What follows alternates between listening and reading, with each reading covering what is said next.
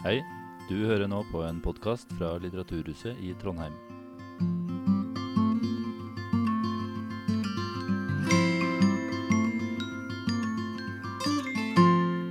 Hjertelig velkommen til kveldens bokbad. Eh, Mitt navn er Trond Aam, er daglig leder for eh, Litteraturhuset i Trondheim. og har den glede da å ønske velkommen til kveldens eh, samtale.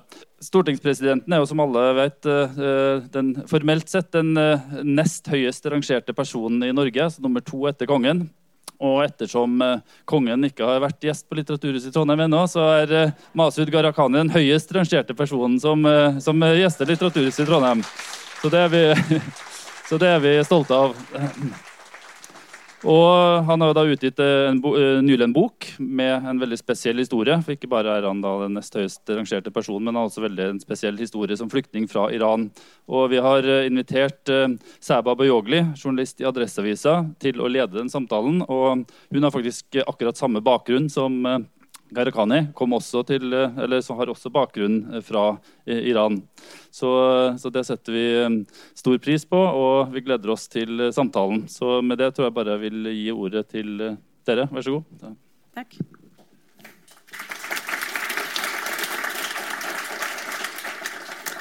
Hei og velkommen. Og velkommen til deg, Masud Gharahkhani. Vi har veldig lik bakgrunn, men jeg ble ikke stortingspresident. Det ble noe viktig, da. Journalist, Ja. det er veldig viktig.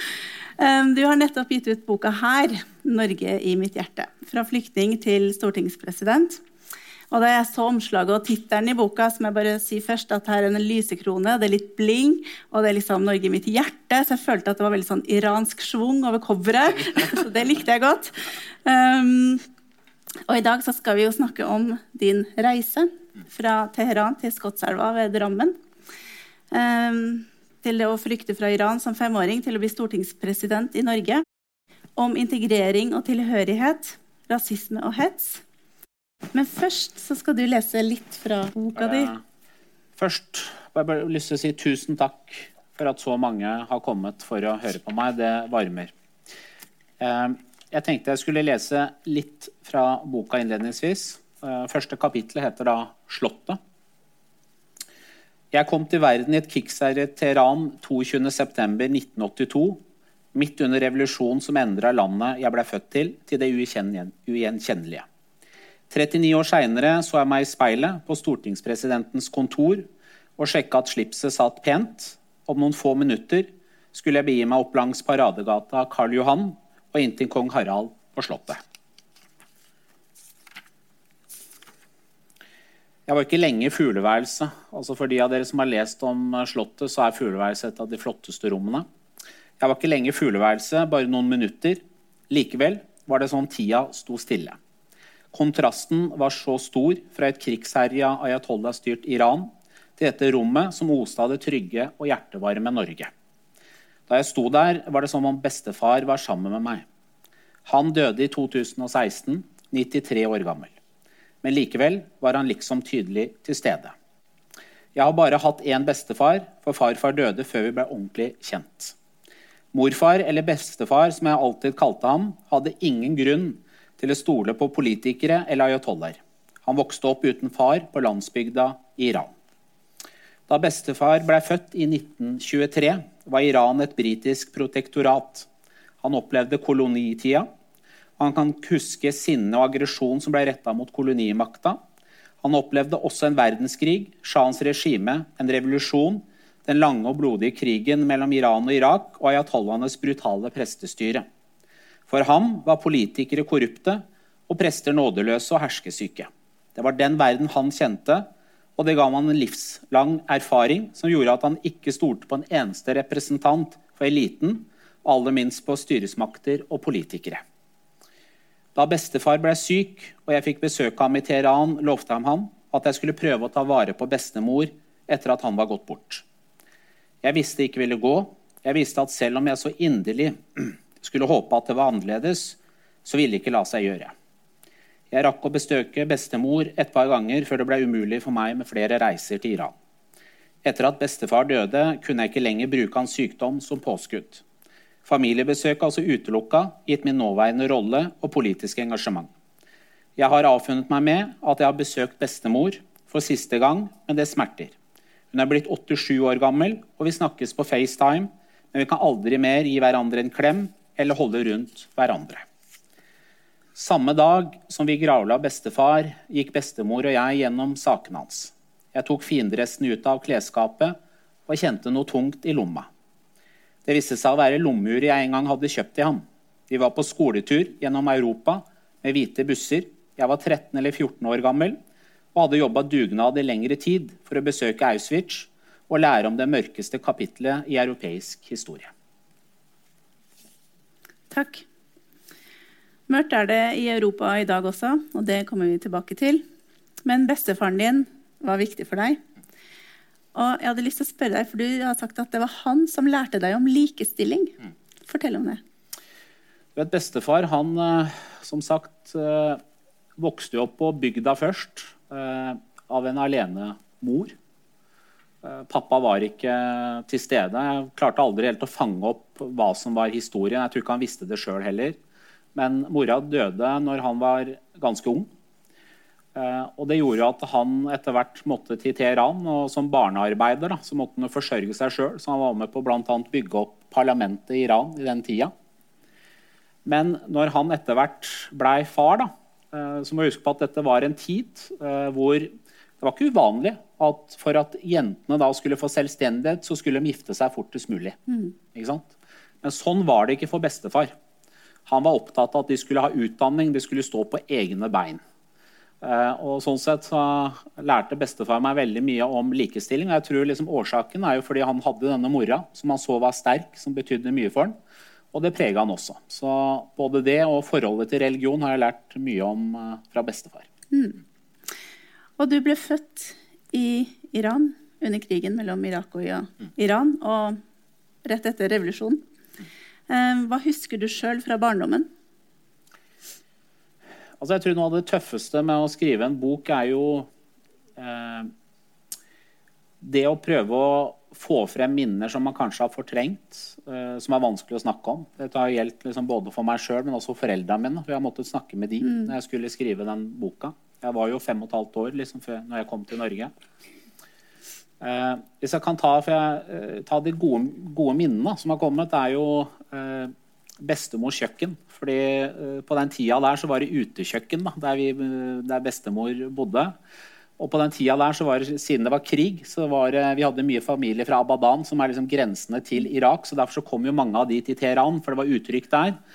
Eh, og det gjorde jo at hun lagde jo mat for veldig mange mennesker. Og da husker jeg alltid gode lukta fra god mat da, fra Nord-Teheran. Som dere ser, så er jeg veldig glad i mat eh, fortsatt og liker å lage mat. Men de, de er liksom gode minner. Eh, men det minnet som jeg har printa seg fast i hjernen, er dessverre fordi det sikkert skjedde så ofte. Og det var veldig ubehagelig og dramatisk. Og det er jo det at bomberegnet over Teheran var veldig vanlig på natterstid uh, under krigen mellom Iran og Irak, som var blodig og langvarig. Og at vi hver natt omtrent så måtte jeg i armene til mamma eller pappa eller bestefar. da. Så måtte vi liksom løpe ut, eller så måtte vi da løpe inn i kjelleren. Det var en sånn falsk trygghet. Når man trodde bare man var i kjelleren, så ville man liksom være beskytta fra de bombene. Uh, og på vei da til denne kjelleren så pleide jeg liksom se opp mot himmelen. Og så trodde jo jeg da, som liten unge at det var stjerner. Og så lærte jeg meg etterpå at det var det daglige bomberegnet over Teheran.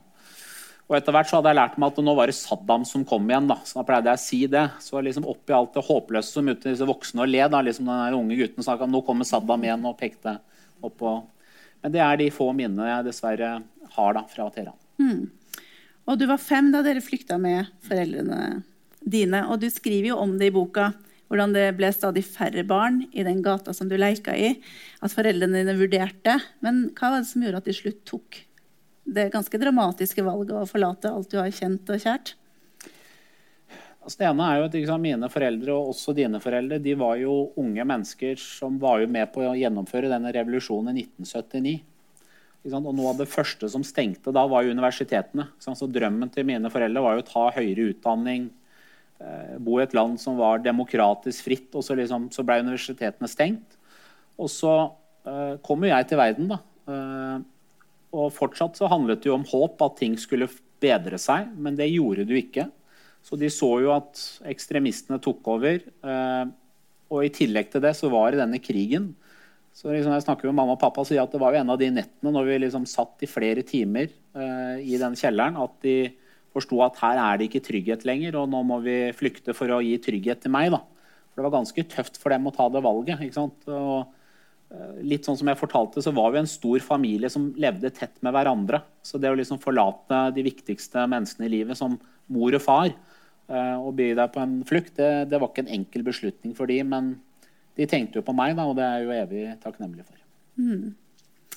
Um, men i boka di, så selv om det ikke er så mye som du husker selv, så sier du selv at dere har jo på en måte vært gjennom en prosess, og man må spørre og grave foreldrene sine. Og det vet jeg, og jeg har intervjua veldig mange i byen her om flukten og friheten og drømmene Men det er jo veldig mye vanskeligere å gå tilbake til sin egen familie, for du ripper opp i noe som du vet er sårt og vanskelig. Så hvordan opplevde du den prosessen som du hadde med foreldrene dine der? Rett og slett at det var veldig tøft for dem å snakke om det. Altså, det er jo som mamma sa, det er jo at pappa klarte jo ikke å snakke med foreldrene sine de siste dagene, for han var redd for at han skulle ombestemme seg. Eh, så han fant jo på unnskyldninger hele tida for at han drev med andre ting. Eh, og så var det jo Det kom jo stadig vekk historier hadde, om folk som hadde prøvd å flykte, som hadde blitt tatt på grensa, eh, og at det kunne få fatale konsekvenser. Mm. Så det var, det var liksom, for dem også så har det vært ganske liksom, tøft å snakke om disse tingene. Da. Det det. Mm. Hva var det som gjorde mest inntrykk på deg i den prosessen? Da? Jeg tror egentlig så er det øh, når vi kommer først til Istanbul. For der, der, har ikke jeg hatt så veldig mye minner sjøl. Men det er gjennom de samtalene med spesielt mamma da, så er det mange ting som har kommet fram. Som jeg mm. etter hvert tenker Ja, nå husker jeg jo det. Kan du beskrive litt tida i Istanbul? For det er jo noen eh, tunge scener også som du beskriver i den boka, og du var jo veldig syk. Ja. Altså, eh, det var jo litt sånn på den tida at det var to veier å komme seg ut av Iran på. Det var enten å da dra til Pakistan, eller så var det å dra til eh, Tyrkia, Istanbul. Eh, og mine foreldre valgte jo da Istanbul fordi eh, de hadde vært der før. Eh, og tenkte at det kunne være en sånn fin historie. For, fordi pappa jobba i staten. altså Han jobba i eh, Samferdselsdepartementet. Det at liksom, vi skulle bare på en liten tur, så blei det ikke stilt spørsmål om det. Eh, og Da kom jo vi til eh, Istanbul, og på den tida der så var det jo sånn at fortsatt så var jo den iranske valutaen ganske greit. Selv om det hadde vært en revolusjon, så holdt den seg godt. Så det betyr at de hadde med seg litt penger. Det tror jeg er sånn typisk at folk som er på flukt og har med deg penger, og så tenker du at dette holder. Eh, men det gjorde du ikke, da. Eh, etter hvert som på en måte turistvisumet gikk ut, så var jo vi illegale flyktninger. Eh, vi måtte ut av hotellet og etter hvert da leie oss en sånn leilighet et sted som var mørkt. og Det var nesten ikke noen folk som bodde i den leilighetsblokka, men det var jo også hele poenget. Mm. Folk skulle ikke vite at det var illegale flyktninger der. og jeg blei jo syk, da. Det fant jo vi ut etter hvert, at jeg har jo astma. og Istanbul på den tida der, altså på vinterstid, så blir jo Istanbul ganske kaldt. Og på den tida så brukte de kull til å varme opp, så det betyr at det lå skikkelig sånn sot. da. Eh, og der bodde jeg da med astma, så jeg ble ganske dårlig. Eh, så lurte jo foreldrene mine på skal vi ta med meg da til lege. Men det ble de advart mot, fordi man var redd for å da bli angitt. Og da var det sånn at da var det ikke noen internasjonale konvensjoner Tyrkia var bundet av, så Tyrkia sendte jo da mange rett tilbake igjen til grensa. Og som sagt så var det nok av historier om folk som ble drept på grensa. Eller hvis du kom tilbake og da arbeidsgiveren fant ut at du egentlig hadde tenkt å flykte videre, så kunne det også få fatale konsekvenser for deg. Så eh, vi var jo veldig mye Jeg og mamma var jo mye hjemme. Pappa var jo ute for å finne ut hvordan skal vi komme videre eller kjøpe medisiner til meg. Så gjennom det, så, så den praten jeg har hatt med mamma, da, eh, og tårene kommer eh, ofte når vi snakker om dette, men hun satt i dette leiligheten da, sammen med meg og hørte på eh, og Jeg vet at det er mange iranere her, men hun hørte på en eh, artist som er litt sånn som jeg kaller for Irans Bob Dylan. Det er Darjush. Eh, og hun hørte på den sangen om igjen og om igjen, og hun gråt. og Det er minner jeg har. Og jeg husker at når vi hadde den store markeringa utafor Stortinget for ikke så lenge siden for å vise solidaritet da, med det iranske folk, så var det en artist da, som bor i Norge, Delara. Så hun spilte en veldig populær låt som heter 'Cheshman', som er 'Øyet mitt'. Eh, eh, og Da husker jeg liksom, da begynte minnene å komme tilbake. og Det som var veldig spesielt, det er at jeg hadde et intervju med en sånn eksil-iransk TV som heter Iran International, da, som kommer i morgen. Først har jeg gitt et intervju på farsi, men han journalisten kjente Darius. Han har fortalt om det, så han ringte, og så hadde jeg en prat med han her om dagen. Så det var litt sånn spesielt. da. Ja. Men uh, det er liksom Det er dessverre tøffe minner. Og så var det slik at vi eh, Som sagt, pengene eh, gikk jo. Så til slutt så hadde jo mine foreldre bare én dollar igjen. Og det skal vi eh, komme til, for jeg har litt lyst til å fryse. Ikke Ja. Nå har dere flykta fra Iran. Revolusjon har vært. Og så tenker jeg, nå er det 43 år siden revolusjonen skjedde. Og fortsatt så styrer eh, ayatollahene Iran. Og det er vel snart sju uker siden at Gina Massa Amini ble drept etter at moralpolitiet pågrep henne for å ha hatt for dårlig hijabbruk. Um, og hun døde i deres varetekt. Og siden så har det jo vært masse protester både i og utenfor Iran. Og du spilte inn en video på persisk som gikk verden rundt, og som har fått mye reaksjoner. Hva sa du i den videoen? Nei, altså jeg fikk jo da bilde av Gina. eh, og da, da lå, var jo i koma. Når jeg fikk det bildet, så hadde ikke, eh, hun var ikke død ennå. Og da følte jeg liksom noe hele i meg at jeg kan ikke sitte stille. Jeg lyst, jeg, nå er jeg nødt til å liksom si noe. Og da lagde jeg en video, og da gjorde jeg hjemme i Drammen, på terrassen. Eh, og da sa jeg det at ja, jeg heter Masud, jeg er stortingspresident i Norge. Og jeg er da Jeg ble født inn i den iranske revolusjonen. Det jeg drømmer om, er at dere skal ha den samme friheten og demokratiet som jeg er så heldig å ha i mitt land Norge, i det landet jeg er født i. Og det sa jeg på farsi. Og jeg sa også at eh, Gina er jo et av mange eksempler vi har sett de siste 44 årene. Jeg visste jo hva jeg gjorde. Altså, det var viktig for meg å vise solidaritet, men det var også viktig å få frem den brutaliteten. Men det jeg ikke hadde regna med, var jo at den videoen skulle bli spredt på sosiale medier. Og i løpet av noen få timer så var det millioner av mennesker som så den. da. Men etter det så strømmer det inn med meldinger hver eneste dag. Både videoer og bilder som er tøft å se på.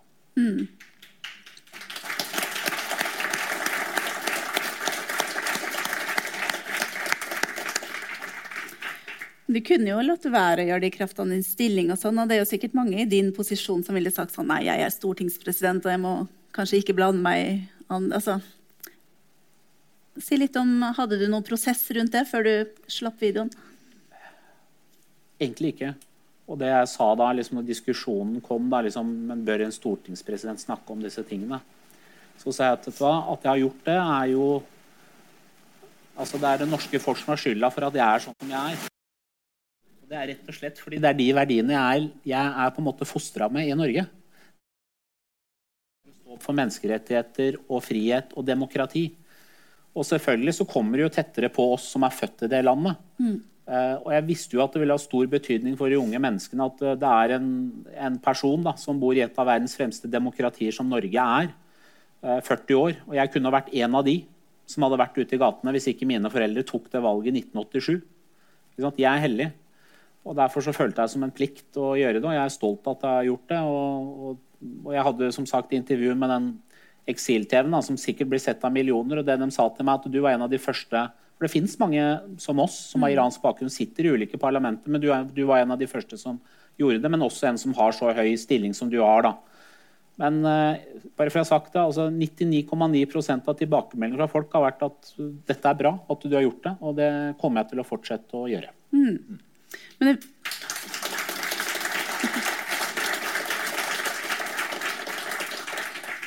Men det fikk konsekvenser. Den iranske ambassadøren ble kalt inn på teppet, og du blir anklaga for å blande deg inn i interne forhold. Hvordan forholder du deg til det? Nei, altså jeg, ikke sant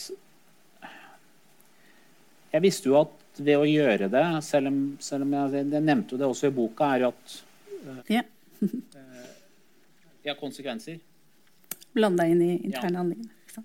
Nei, altså jeg visste at ved å gjøre det, så eh, ville det jo bety for meg at det ville vært umulig å besøke bestemor igjen. Ikke sant? Og jeg, som dere skjønner, så betyr jo bestefaren min veldig mye for meg. Og det er liksom er når du gir en lovnad til en sånn person som betyr så mye for deg, og du vet at du ikke kan holde det. Men samtidig så vet jeg at både han og bestemor er stolte av meg, selv om jeg ikke har snakka med bestemor nå på flere uker, fordi det er jo ikke, internett er jo skrudd ned i landet. og Og jeg, hvis jeg ringer henne på fasttelefon, så vet jeg at det ikke bare er oss to på den tråden. for å si det på den måten her. Men jeg kan jo ikke være egoist, da. Og det er eh, viktig for meg at jeg gjorde det. Og det var veldig spesielt, for her om dagen så var jeg på besøk hos noen venner, da. Og han ene er kjørelærer. Og da hadde det kommet en, uh, en, en fra Iran bare for noen uker siden. Og da hørte jeg at på flyplassen så hadde den personen liksom fortalt hvor skal du jeg skal til Norge. Og så hadde den personen blitt tatt til side. Uh, og da hadde de sagt at dere må fortelle han derre presidenten da, De kan jo ikke forskjell på stortingspresident og president. Må fortelle han presidenten Masud Gharahkhani at han må ikke blande seg inn i våre indre anliggende. For å si det sånn, Jeg gir blaffen i hva det regimet mener, og jeg kommer til å fortsatt bruke min stemme. Fordi det er ikke min stemme som er viktig, men det er viktig å gi de unge en stemme, som er i Iran. Det betyr så mye for de. Mm. Og sant, Protestene holder, holder gang, og det er i hele Iran. Og, og det blir bare mer og mer brutalt. Uh, og når du får bilder av unge mennesker altså, du, altså Når gravide kvinner blir slått, når unge mennesker får en kule i hodet bare fordi de bruker ytringsfriheten Jeg sitter i stortingssalen og leder møter. Og så vet jeg at hver eneste dag så er det da protester på Eidsvoll plass, selv om vi har andre diskusjoner. Men det er en del av vårt land at vi har ytringsfrihet. Du kan høre stemmene da i stortingssalen vår. Mens der så drømmer de om litt av den friheten og demokratiet vi har i Norge, og det de blir møtt med, er kuler og vold. Mm. Men tror du det kan bli en endring? For det er det alle spør seg om nå. At det er flere som tar ordet, flere stemmer. Protesten har pågått lenge. Jeg tror i hvert fall at uh, det er ikke mulig for regimet å, å, nullstille alt det som har skjedd nå. Uh, og den generasjonen som nå er ute i gatene. Og det er ikke bare i Teheran eller én provins. Det som er veldig spesielt denne gangen, er at det er hele landet. Liksom, det er protester i hele landet. Og for hver eneste de dreper eller slår, så er det da tusenvis av mennesker som slutter seg til protestene. Selv om de skrur ned internett, så er disse unge menneskene smarte. vet du, så De finner måter å få ut budskapet på likevel. Og de er 2, 3 og 24 år. Eh, og de har kun levd under det regimet og Det er litt sånn tøft å høre, men noen av de meldingene jeg får, da, det de sier, er at vi er heller villige til å dø og være ute i gatene enn å leve under det regimet. Så det sier noe om den viljen de har. Men det kommer til å bli tøft. da, fordi altså bare for å ha sagt, og jeg, og jeg vet at det er litt sånn sensitivt å snakke om, Sjahen var jo ikke perfekt. for ellers hadde den vært perfekt, så hadde det ikke blitt en revolusjon. Men jeg tror forskjellen mellom sjahen og de som er nå, det er at sjahen på et tidspunkt så tenkte han at jeg vil ikke sette egen militære mot folk, og da drar jeg. Og så hadde han opplevd før at han kunne dra noen måneder, og så kom han tilbake igjen. Så jeg tror det lå liksom litt inn at nå kan jeg komme tilbake. Mens for det, det regimet du har nå, så hvor er det de har å gå? Det er liksom Syria, det er Jemen, det er liksom de landene de støtter. Så det kommer til å bli brutalt, det kommer til å bli blodig. Det ser man allerede nå, at de har begynt å trappe opp. Og Derfor så er det utrolig gledelig å se da, at flere og flere land begynner å snakke om sanksjoner større internasjonalt press, fordi det vil ha stor betydning da, på hvordan ting utvikler seg. Mm. Og det er vel bare to dager siden Nasjonalgarden la ned forbud mot demonstrasjoner ja. i Iran. Um, men en liten eh, ting, da, det er på en måte moralpolitiet. som sant, Folk er jo veldig redd, lei av at de stadig blir plukka på på gata, for de er overalt og de skal passe på at man går sømmelig kledd, og de legger seg opp i hva du har på deg. og sånn. Og og jeg har blitt tilsnakka av moralpolitiet en gang for å liksom hoppe litt fritt og uiransk rundt i en nasjonalpark, så vi måtte forlate parken. Men du har også blitt tilsnakka av moralpolitiet en gang du var på besøk i Teheran. Ja, det var det. Var jo besøkte bestefar. Det var jo liksom en av de turene da, hvor jeg ble kjent med, med min, Da var min kjæreste, som nå er min kone. Og da var vi i parken, som veldig mange unge mennesker er. da. Mm. Det er litt, sånn, litt der du kan få litt frihet og sette deg ned og liksom begynne å tenke hvordan var det liksom før denne revolusjonen, hvor folk hadde på seg hijab, andre levde og kledde seg akkurat som vi er. Full frihet. Og så plutselig så opplever vi at du ble liksom tatt av dette moralpolitiet. Da, og så hadde jeg på meg en T-skjorte, og på den T-skjorta sto det i hvert fall eh, 'Make love, party and have fun'. Så tenkte jeg nå er det meg de er ute etter. ikke sant? Men det som var greit, Han der skjønte jo ikke engelsk i det hele tatt. Så det var da kjæresten min, kona mi. For hun hadde da eh, neglelakk på. Og litt sånn for korte bukser, da. Så det var liksom det drøye. Og hijaben var der. Så da fikk det var sånn, eh, ja, så ble vi snakka til. Men uh, vi var jo lucky, for det ble ikke noe mer enn vi fikk en sånn advarsel. Mm. Mens uh, de siste årene så ser du liksom den brutaliteten har jo bare økt. Og, og Masa var jo et eksempel på hvor, hvor ekstremt det har blitt. Ja, og det har blitt flere Masa Aminier, dessverre, etter at hun døde. Um, det var Iran, uh, men uh, jeg tenkte vi må også høre litt om integreringsprosessen her i Norge. Uh, nå har vi liksom snakket om det, det som man flykta fra, og det som pågår i landet nå. Men én dollar hadde dere i lomma, bokstavelig talt, da dere kom til Norge i 1987. Fortell om den første tida, hva som møtte dere. Bare lyst til å si, sant, Drømmen til pappa var å komme seg til California. For da hadde han en onkel som hadde dratt før revolusjonen. Og alle iranere kjente jo til California. Det bor jo i hvert fall en halv million iranere der. Men så blei det da Norge. Eh, eh, Nesten som California. Nesten som California. Og da kom vi da i, Det var jo rundt novembertider, da, så da var, og da var det Fornebu. Så det var ikke sånn fra gate og rett inn i varmen. Jeg måtte ut, så det var eh, kaldt. Jeg? Og det igjen da gjennom den, de samtalene jeg har hatt med mine foreldre altså det, For vi hadde opplevd å komme en gang til flyplassen, og så hadde det blitt Oi, her har politiet fått høre at det er flere flyktninger på vei, så nå må dere stikke av. Så, eh, og forsøk to, så klarte vi å komme oss videre. Eh, Det betyr at liksom, de, de første menneskene som møtte oss, var jo norsk politi.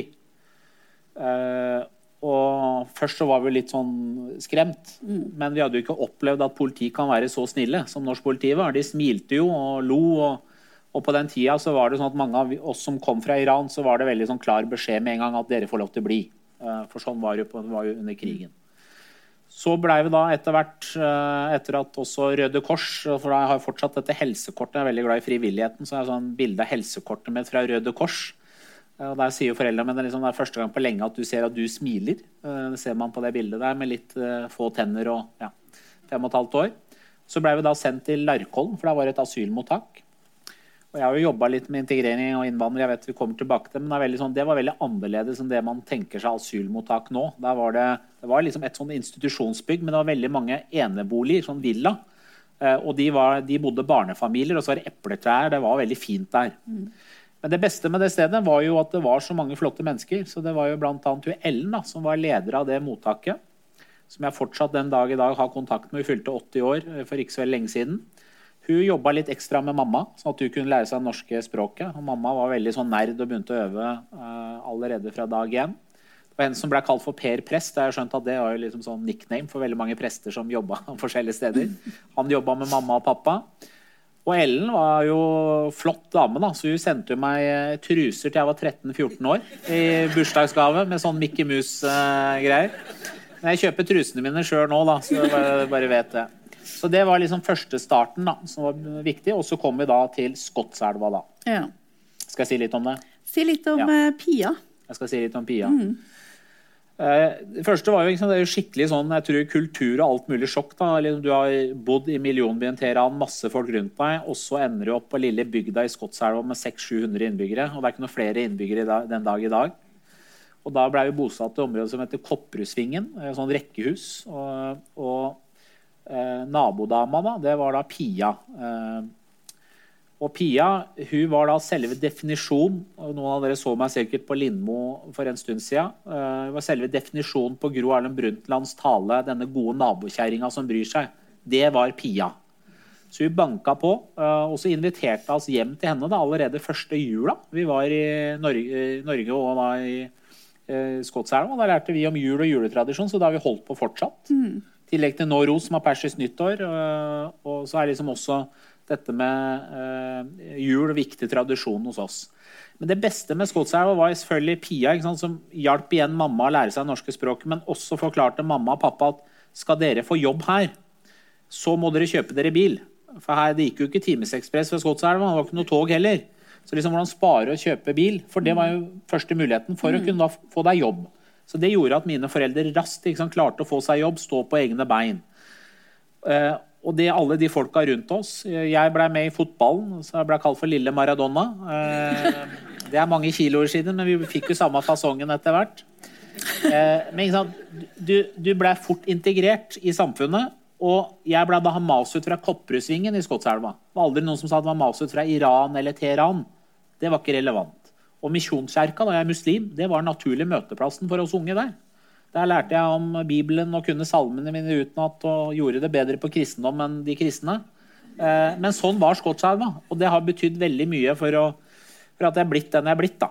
Så, så, Derfor så sier jeg også det, jeg har tatt opp det flere ganger etter hvert når jeg jobba med integrering, at jeg er ganske sikker på at små steder så lykkes du bedre med integrering enn store steder. For du blir fort en del av et samfunn, eh, og det er utrolig viktig. da. Mm.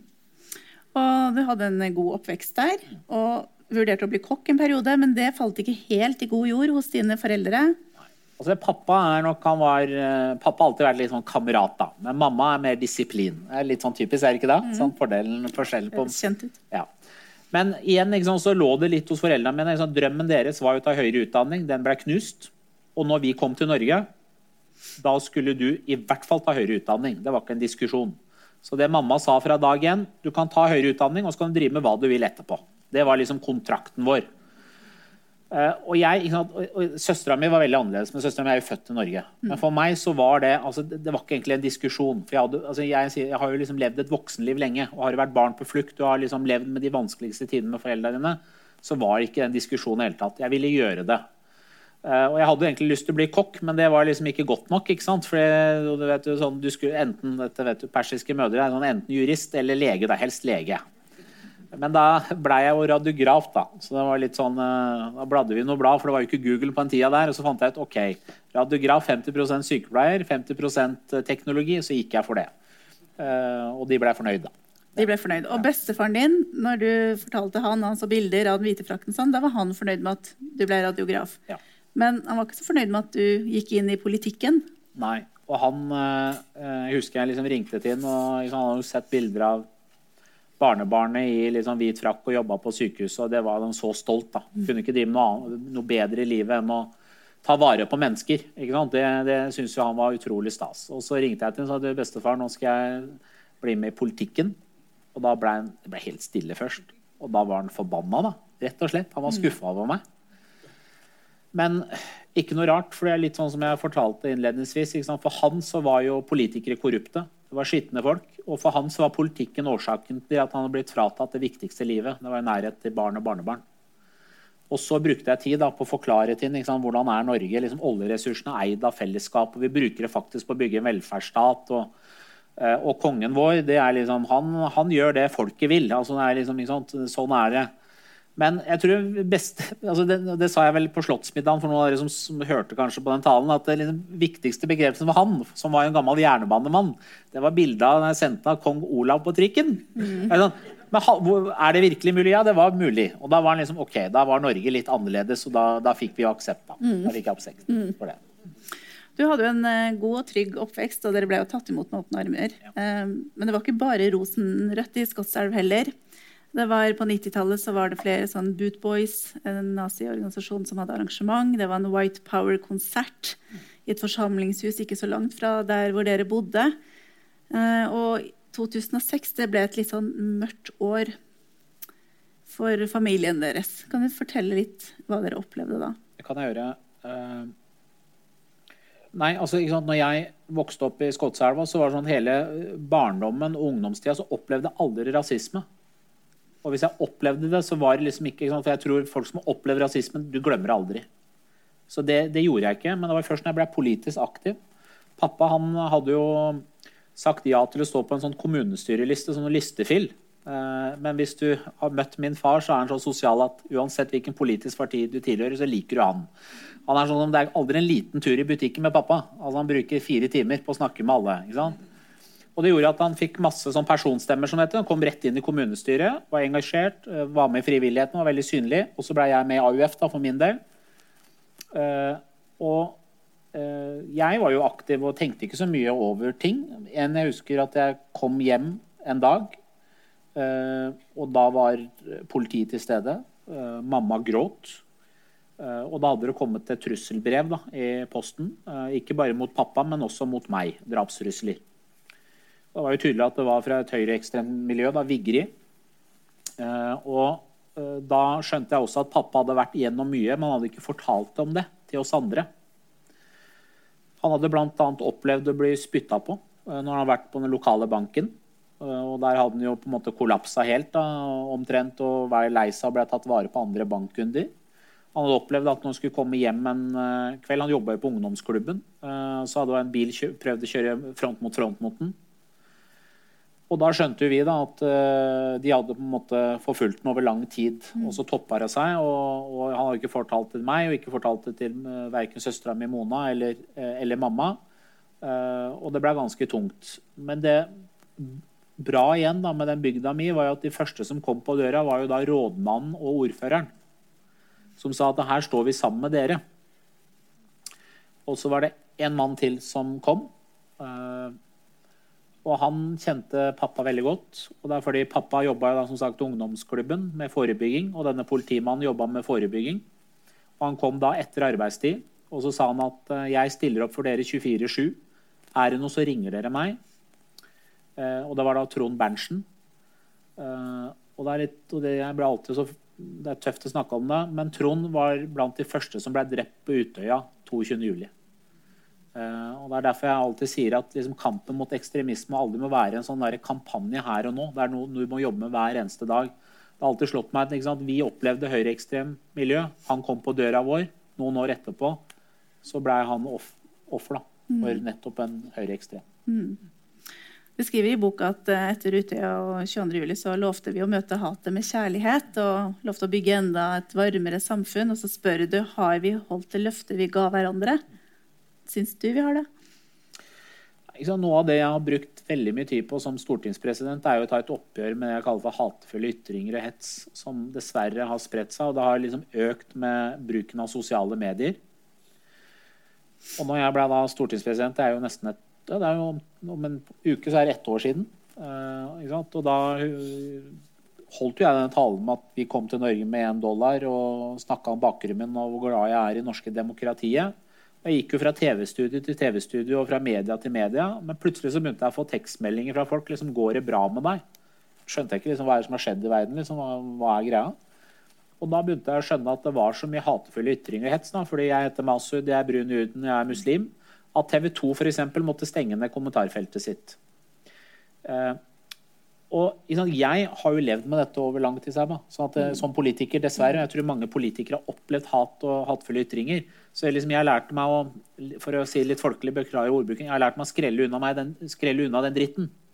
Men så tenkte jeg at hvis du er en ung person, da, en homofil som har kommet ut av skapet, som har lyst til å mene noe om homokampen i Norge, ung person som har lyst til å mene noe om klimasaken, eh, og du skriver et leserinnlegg, og det første som møter deg, er mye hat, hatefulle ytringer, så tenker jeg at dette orker jeg ikke å være med på.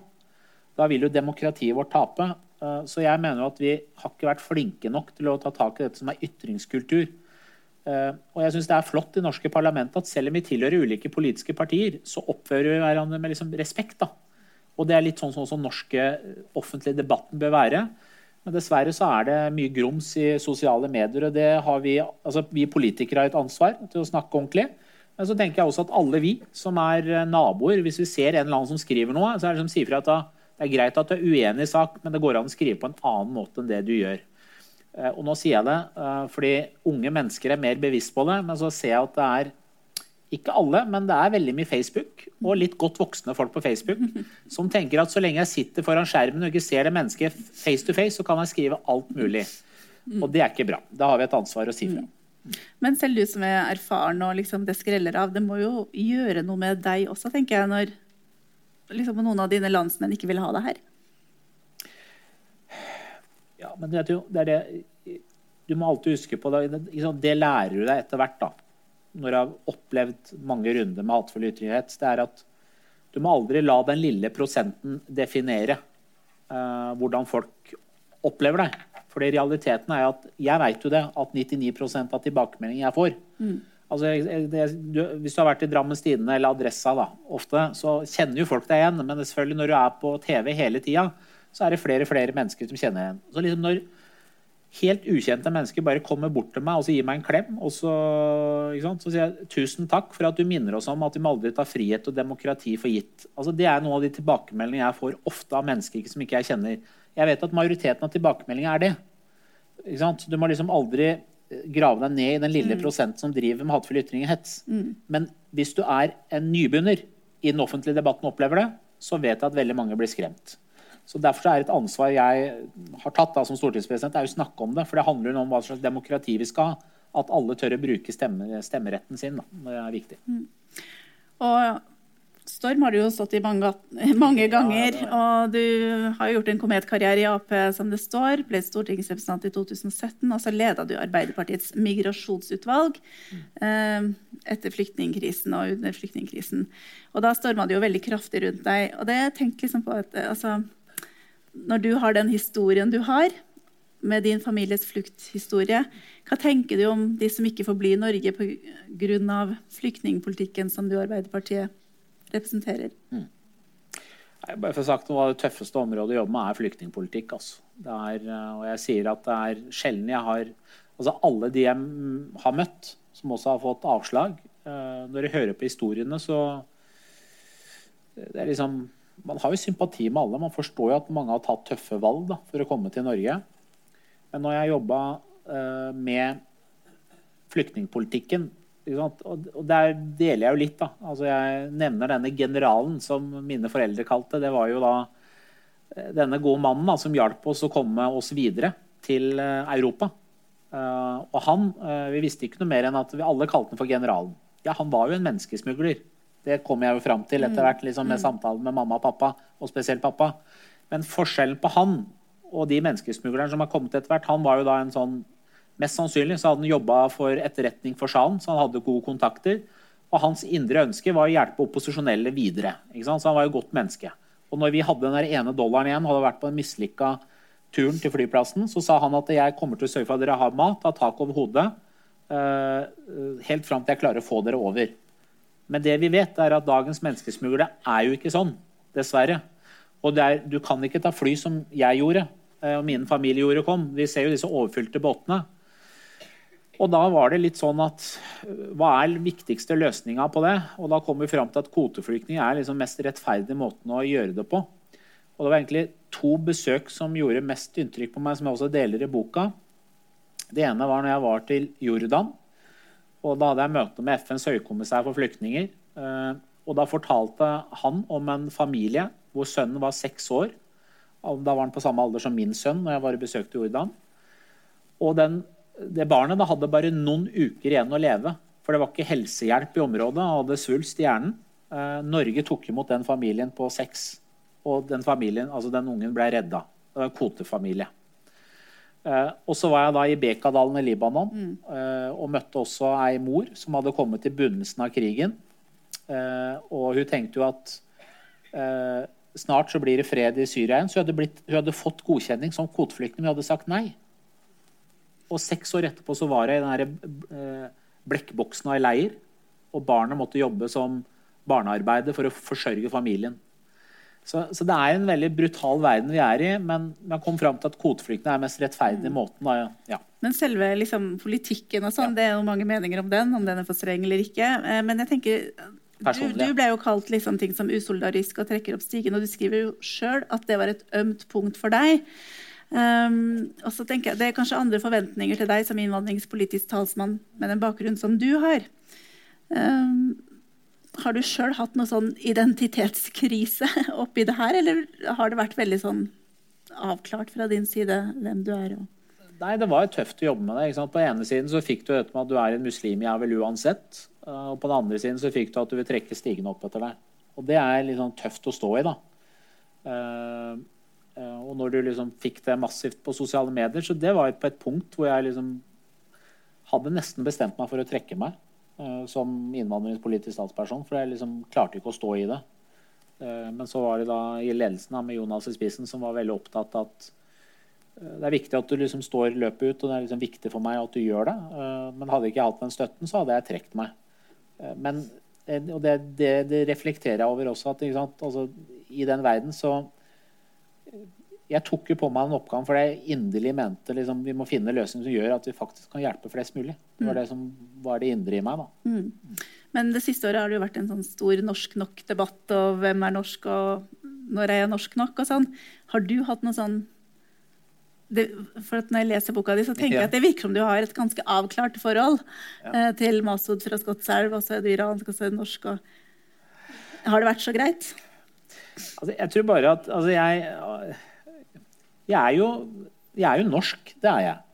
Men så har jeg også en iransk identitet. Eh, men jeg må jo si at jeg har jo levd litt sånn merkelig liv, da. Det har jeg jo. Ikke sant? Det er sånn, eh, jeg har vært mer i kjerka enn jeg har vært i moské.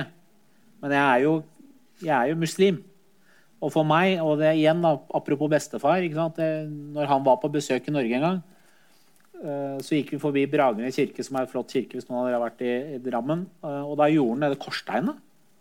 Og da var jeg ikke Jeg husker ikke hvor gammel jeg var da, men, men jeg var ikke liksom voksen-voksen ennå. Og så sa jeg til bestefar men hvorfor gjør du det? For er ikke vi muslimer? Så sa han jo, men dette er også Guds hus. Og det er mitt, mitt Guds hus, det òg. Så sant, det har vært, og Jeg har vokst opp med Misjonskirka. Så liksom, sånn har jeg liksom hatt et forhold uh, til religion. Jeg vokste opp i Skotselva, uh, i det miljøet. Det har vært med på å forme meg. Så jeg har aldri opplevd for meg sjøl at jeg har en sånn identitetsutfordring. Heller så er liksom, Den bakgrunnen jeg har, har jeg brukt for å si at vi nordmenn da, vi må ikke ta de verdiene vi har for gitt. For det er liksom noen ganger jeg har opplevd det. At liksom man tar som selvfølgelighet at vi alltid har hatt ytringsfrihet, vi har alltid hatt demokrati.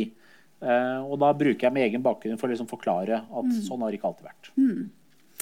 Og nå er det straks et år siden du ble uh, ja. stortingspresident, og du har sagt at i din jobb så er det ganske mye følelser. Ja. Hva tenker du på da? Det ene er at det siste året så har det skjedd så utrolig mye. Uh, og jeg tenker, når jeg kom på plass i november og har liksom akkurat vært gjennom denne pandemien, og så skulle ting åpne opp igjen, så kom da krigen i Ukraina. Mm. Uh, og du var der? Jeg var der. Jeg besøkte Ukraina i, i mai. Uh, jeg hadde jo invitert president Zelenskyj til å tale i, i, i, Stortinget. Og hadde hatt tett kontakt med min kollega som leder parlamentet der. Og for meg så Det ene er jo selvfølgelig at det kommer til å være en tid før og etter krigen i Ukraina for Europa. Det er ingen tvil om. Så det er en veldig definerende tid vi er i. Og eh, som jeg også alltid har sagt, er at mange av oss vet jo hvis ekstremistene vinner, hvor mange generasjoner som går tapt. Iran er jo et eksempel på det. Så Derfor så lå det litt sånn personlig i meg også. Uh, I mitt engasjement rundt Ukraina. Så vi valgte å besøke det da i mai. Uh, og det var ikke en enkel beslutning å ta, for på et tidspunkt der, litt sånn som nå, så var det veldig sånn sikkerhetsmessig utfordring. Dere ser jo hvordan det er. Eh, men vi reiste, og det var veldig viktig da, for president Zelenskyj og min kollega da, Stefantsjuk som leder parlamentet, at vi skulle komme på 8. mai. Det er jo frigjøringsdagen. Og jeg var jo en ny stortingspresident, og det er jo sånn stortingspresidenten har jo store oppgaver sammen med kongen, Hans Majestet, på 8. mai. Men vi valgte å dra ned dit, fordi for dem så var det veldig symbolsk at vi var der.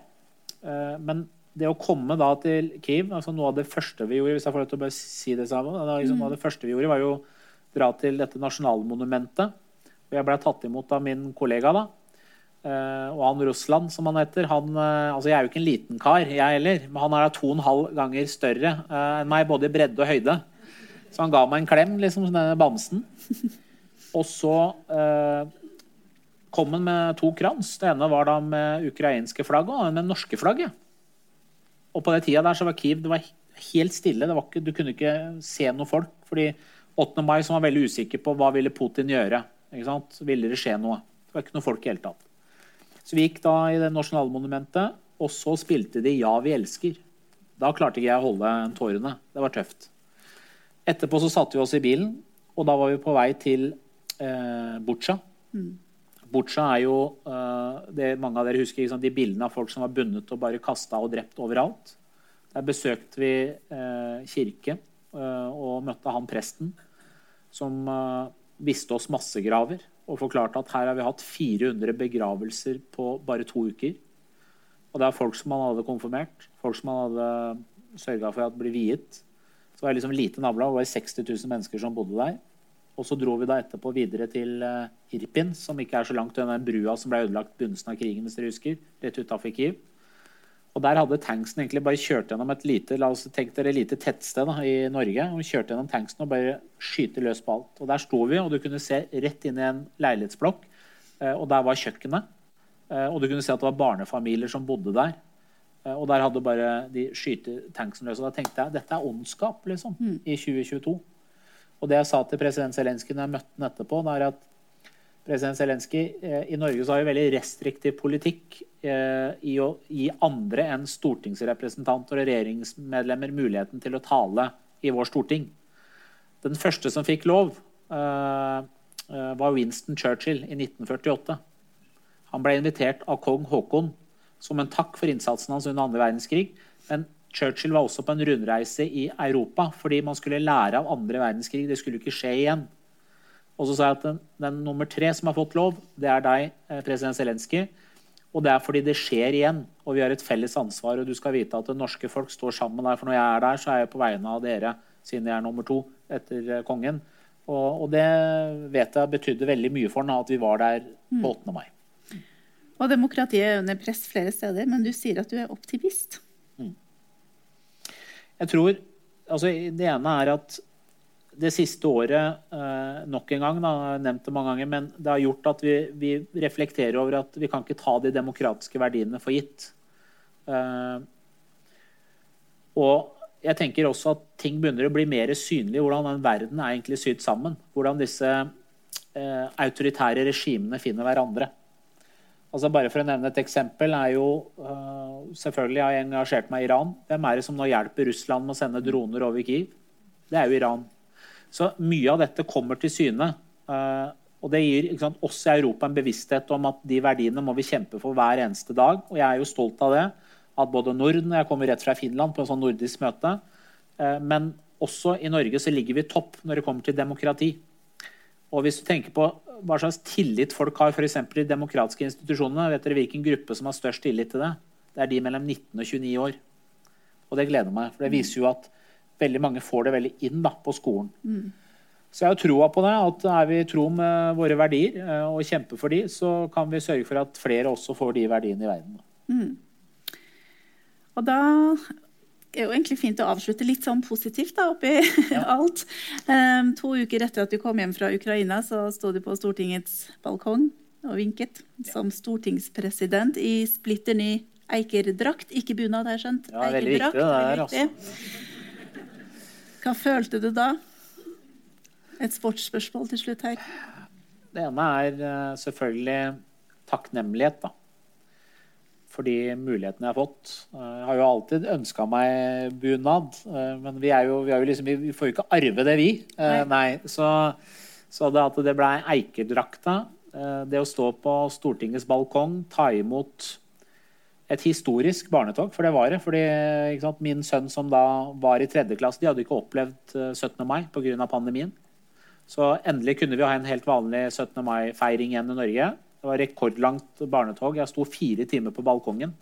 Jeg ville ikke ta en eneste pause, fordi jeg merka at alle de ungene hadde sett meg på Supernytt med eikedrakta, og de visste at det var stortingspresidenten. Og jeg ville være der og se dem. Og noen ropte navnet mitt. Men jeg hadde jo uka før vært i Ukraina. Så det var liksom sterke kontraster. Men også takknemlighet for at vi bor i Norge, og at jeg har fått de mulighetene jeg har fått. Og det er jo derfor også boka mi heter 'Norge i mitt hjerte'.